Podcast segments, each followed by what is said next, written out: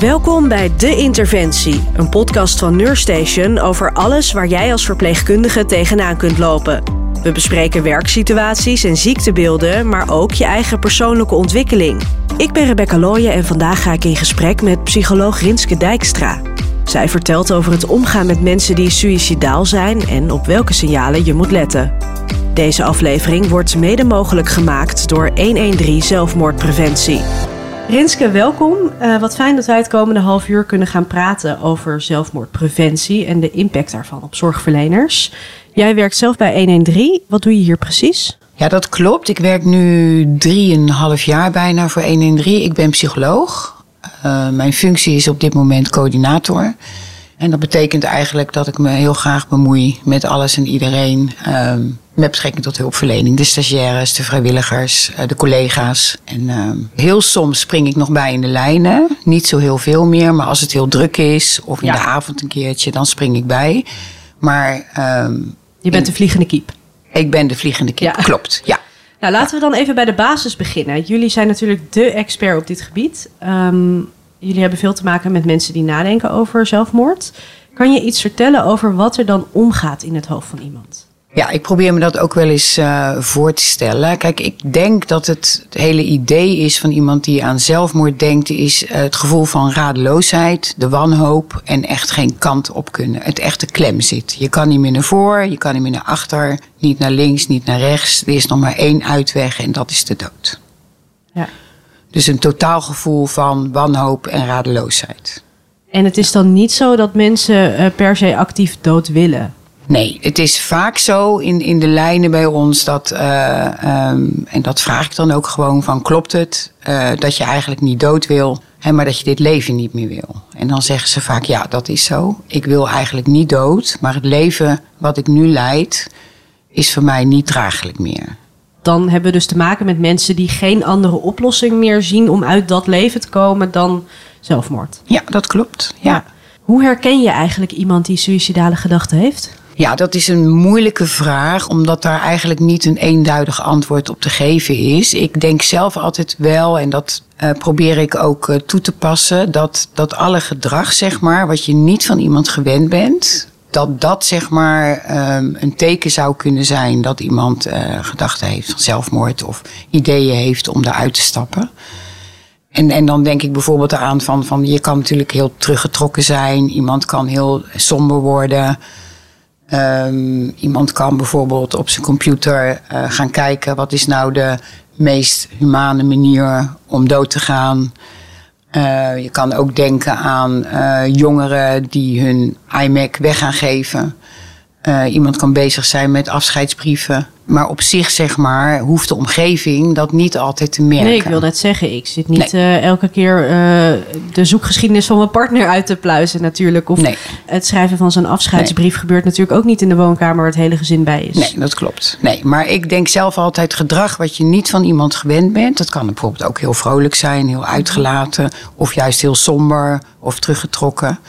En dat kan er in ieder geval op, op wijzen dat er iets aan de hand is. Ja, maar goed, dat kan het nog steeds natuurlijk heel veel zijn. Ja, en daarom is het ook zo belangrijk om daarnaar te vragen. He, van klopt het dat? He, denk je wel eens aan de dood? Um, heb je wel eens het idee uh, dat je zelfmoord wilt plegen? Zo direct meteen? Ja, nou ja, weet je, het liefst wel. Natuurlijk niet de eerste twee minuten dat je met iemand in gesprek gaat. en je, je vraagt aan iemand van, god weet je, hoe gaat het met je? Hoe was je dag? En, uh, hoe was je, denk je wel eens aan de dood? Ja. Nee, nee, nee, zo niet. Maar wel van, uh, hoe gaat het met je? Of je komt op mij toch wel op dit moment somber over. Klopt dat? Nou, zo kan je dan verder vragen. En dan is het uiteindelijk wel de bedoeling dat je echt vraagt of iemand aan zelfmoord denkt. Ja, dan zijn daar denk ik ook nog verschillende gradaties in, toch? Want iemand kan er wel eens aan denken. Uh, iemand kan er heel actief mee bezig zijn Klopt. met hoe ga ja. ik dat doen. Ja. Hoe herken je dan de ernst van zo'n situatie? Door het te vragen. Als iemand zegt van nou Rins, dat klopt wel. Ik, ik zie het eigenlijk allemaal niet zo, zo heel erg meer zitten. En dan, nou, dan benoemen wij graag de olifant in de kamer. Ach, bedoel je daarmee dat je eigenlijk liever dood bent op dit moment? Ja, dat is zo. Dan kan je verder vragen dat je denkt van oké, heb je daar dan al een plan voor? En dan kan iemand zeggen nee, want weet je, zo, zo erg is het nou ook allemaal niet. Ik denk er wel eens aan, maar dat echte plan heb ik nog niet gemaakt. Of iemand zegt, ja, ik heb daar een plan voor. Ik heb opgezocht hoe ik dat het beste kan doen. Nou, dat is alarmbel nummer twee dan. En dan zou je kunnen vragen van God, maar heb je dan ook een idee wanneer je dat gaat doen? Nou, ik denk op mijn moeders verjaardag, want uh, nou, dan ben ik weer bij haar. Ja. Uh, of met oud en nieuw, of iemand zegt nee. Um, nog niet dat, concreet. Dat heb ik nog niet concreet. Is het dan zo in jouw beleving dat mensen daar zo eerlijk antwoord op geven? Want wat jij nu schetst klinkt voor mij als iets dat ik niet verwacht als ik zo'n vraag stel aan iemand. Ik denk dat mensen daar wel eerlijk op antwoorden. Ja? Als je daar rechtstreeks naar vraagt, dan heb ik wel het idee dat mensen zeggen hoe het zit. Maar jij gaat eigenlijk ervan uit dat mensen, als je het vraagt, altijd eerlijk zijn. In de ehm, basis. in de basis, ja, dat denk ik wel. Als je echt naast iemand gaat staan en je durft echt contact te maken. En dan is het maar van hoe gaat het met je? En dan niet in het voorbijgaan uh, dat iemand roept goed. En dat je roept we bellen. Ja. Maar dat je echt de tijd neemt voor iemand.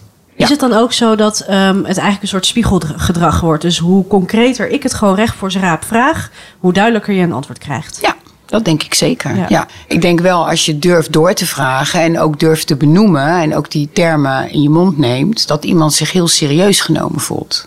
En de andere kant is, als het niet zo is, hè, want er zijn mensen soms ook bang voor, van ja, maar als ik nou vraag, denk je wel eens aan zelfmoord, dan breng ik iemand op gedachten. Nou, dat is echt een fabeltje, want je brengt iemand niet op gedachten die er niet zijn. Dus iemand kan gewoon zeggen: nee joh, daar denk ik helemaal nooit aan. En dan kan je zeggen: van oké, is iemand dan eerlijk? Mhm. Ja, ik denk het wel. Ik denk als je er echt naar vraagt en iemand zegt nee, dan kan je daarvan uitgaan. Het lijkt me wel lastig, want je hoort ook veel situaties van mensen in het algemeen hoor. Ik wil nu niet per se zeggen mensen met zelfmoordgedachten, maar ehm, die het lastig vinden om te delen met mensen wat ze voelen, omdat ze iemand niet lastig willen vallen. Gaat die vlieger hier niet ook op? Dat kan. Maar dat zeggen mensen dan ook vaak. Ja, maar weet je, ik ben toch de moeite niet zo waard. Of ik, ik wil jou er niet mee belasten, want... Ja, dat kan je natuurlijk heel laconiek grappig zeggen. Maar hoor dus dan, luister. Ja. Als iemand dat zegt, vraag dan juist door. Of zeg dan, ik wil er graag voor je zijn. Ik wil graag naar je luisteren. Ja. Precies. Ja, en heel vaak is er natuurlijk, of heel vaak... er zal ook even vaak niks aan de hand zijn. Gelukkig. Ja. Ja, ja. dat is natuurlijk net zo goed een optie. Maar daarom is het ook zo van, van, van wij verzorgen dan ook die, die gatekeepers trainingen. Uh, die dan gegeven worden aan belasting, mensen die met belastingsschulden aan de deur moeten komen om die te innen. Dierenartsen die bij boeren zeg maar op het erf komen. En dat als ze een boer zien waarvan ze denken van nou. Dus de wat meer geïsoleerde mensen in de samenleving dan degene die dan daar wel langskomen, zorgen dat die zo uh, geïnformeerd mogelijk zijn. Ja. Wat goed. Ik wist helemaal niet dat dat bestond. Ja.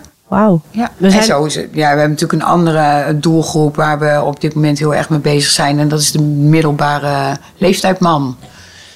He, omdat mannen natuurlijk toch nog minder gewend zijn dan vrouwen om te praten. En minder geneigd zijn om hulp te zoeken. En vooral als er dan zeg maar financiële problemen in combinatie met relationele problemen komen, dan is dat een grote risicogroep.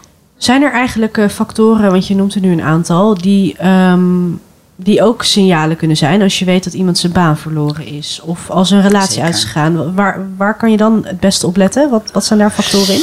Ja, ik denk dat daar factoren in zijn. De, de, de manier waarop iemand uh, daarover praat. Kijk, als je het bijvoorbeeld over schulden hebt. Uh, ik denk zelf ook dat als je gewoon zeg maar financieel helemaal klem zit.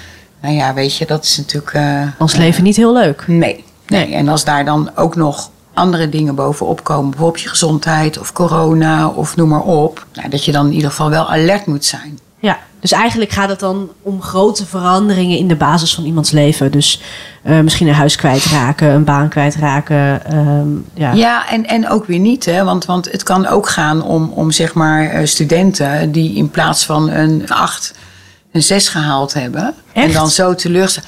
Ja, maar weet je, dat is ook nog wel heel belangrijk om te zeggen, denk ik. En dat heb ik hier ook wel heel erg geleerd. Dat is heel erg subjectief. En het is soms ook wel lastig om daar geen oordeel over te hebben en daar neutraal in te blijven. Ja.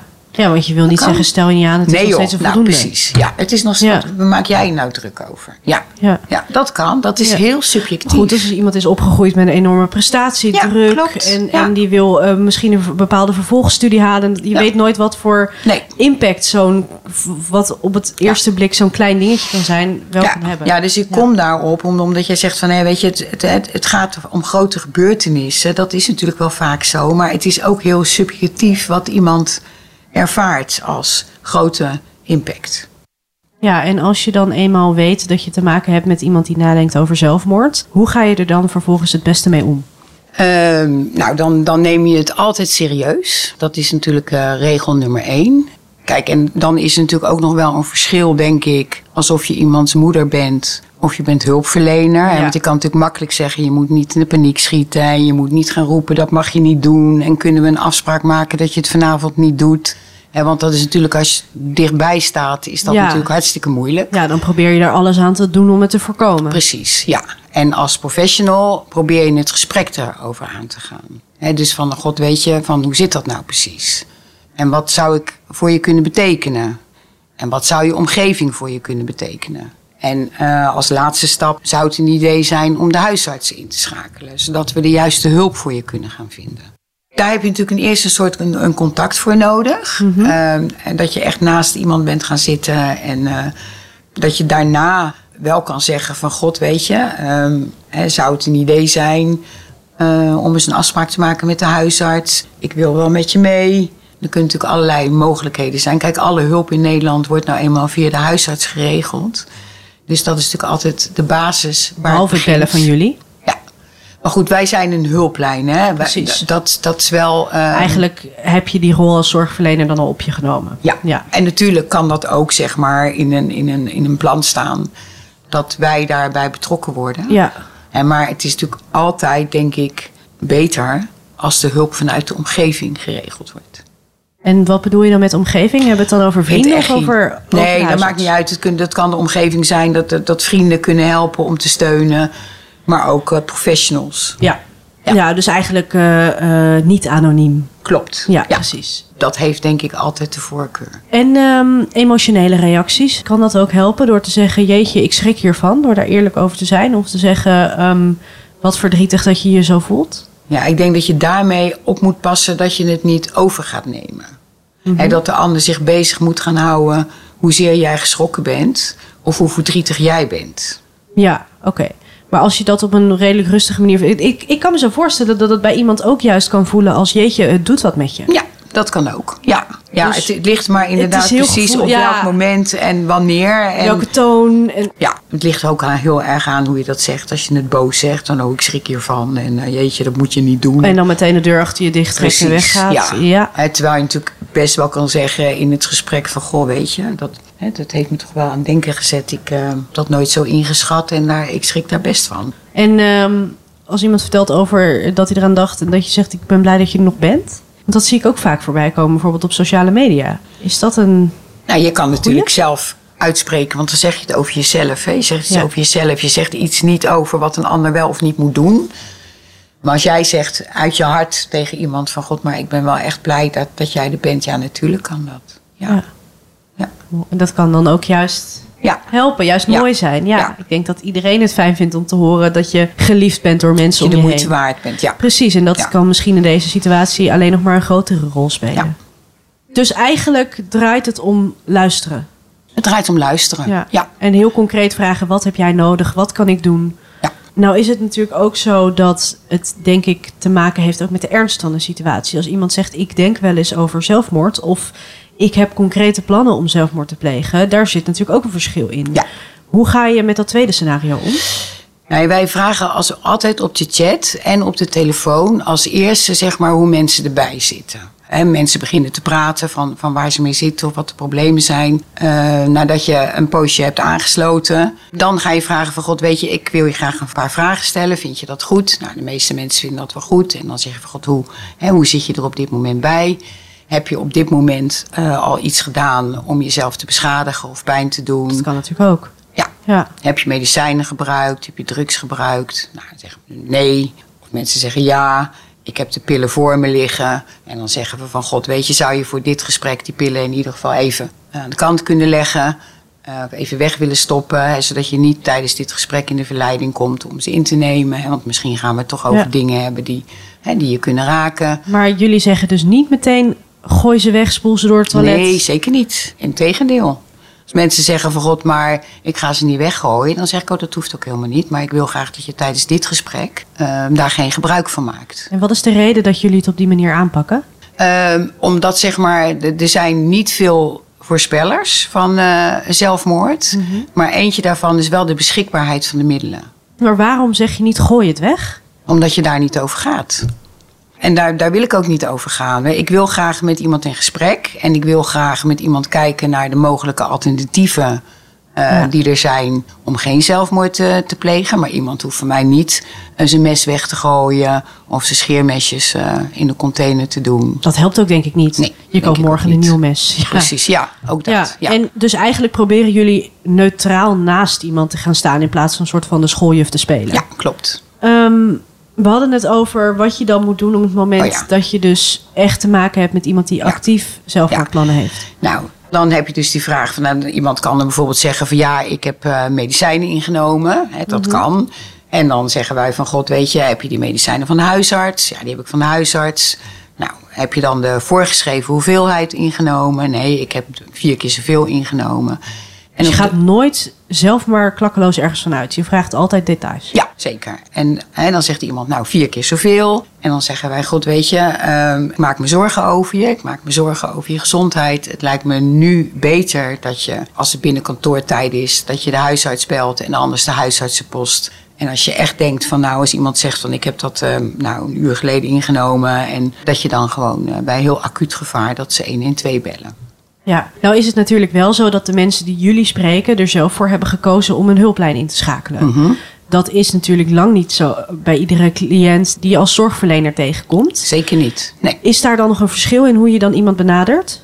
Nou, dat denk ik niet. Ik denk dat als je zeg maar, bij iemand eh, in de thuissituatie komt en eh, je merkt dat iemand versuft is, of iemand heeft zich heel erg gesneden, en dan is denk ik dezelfde gang om eh, acuut hulp in te schakelen.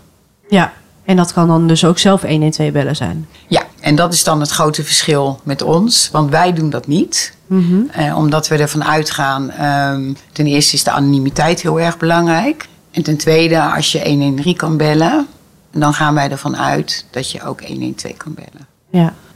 Zijn er eh, momenten dat jullie wel ingrijpen?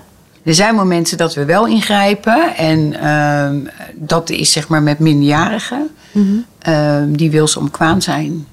En ook in de gevallen dat eh, mensen niet alleen zichzelf iets aan willen doen, maar ook anderen. Dat is voor ons wel een reden om de anonimiteit te doorbreken.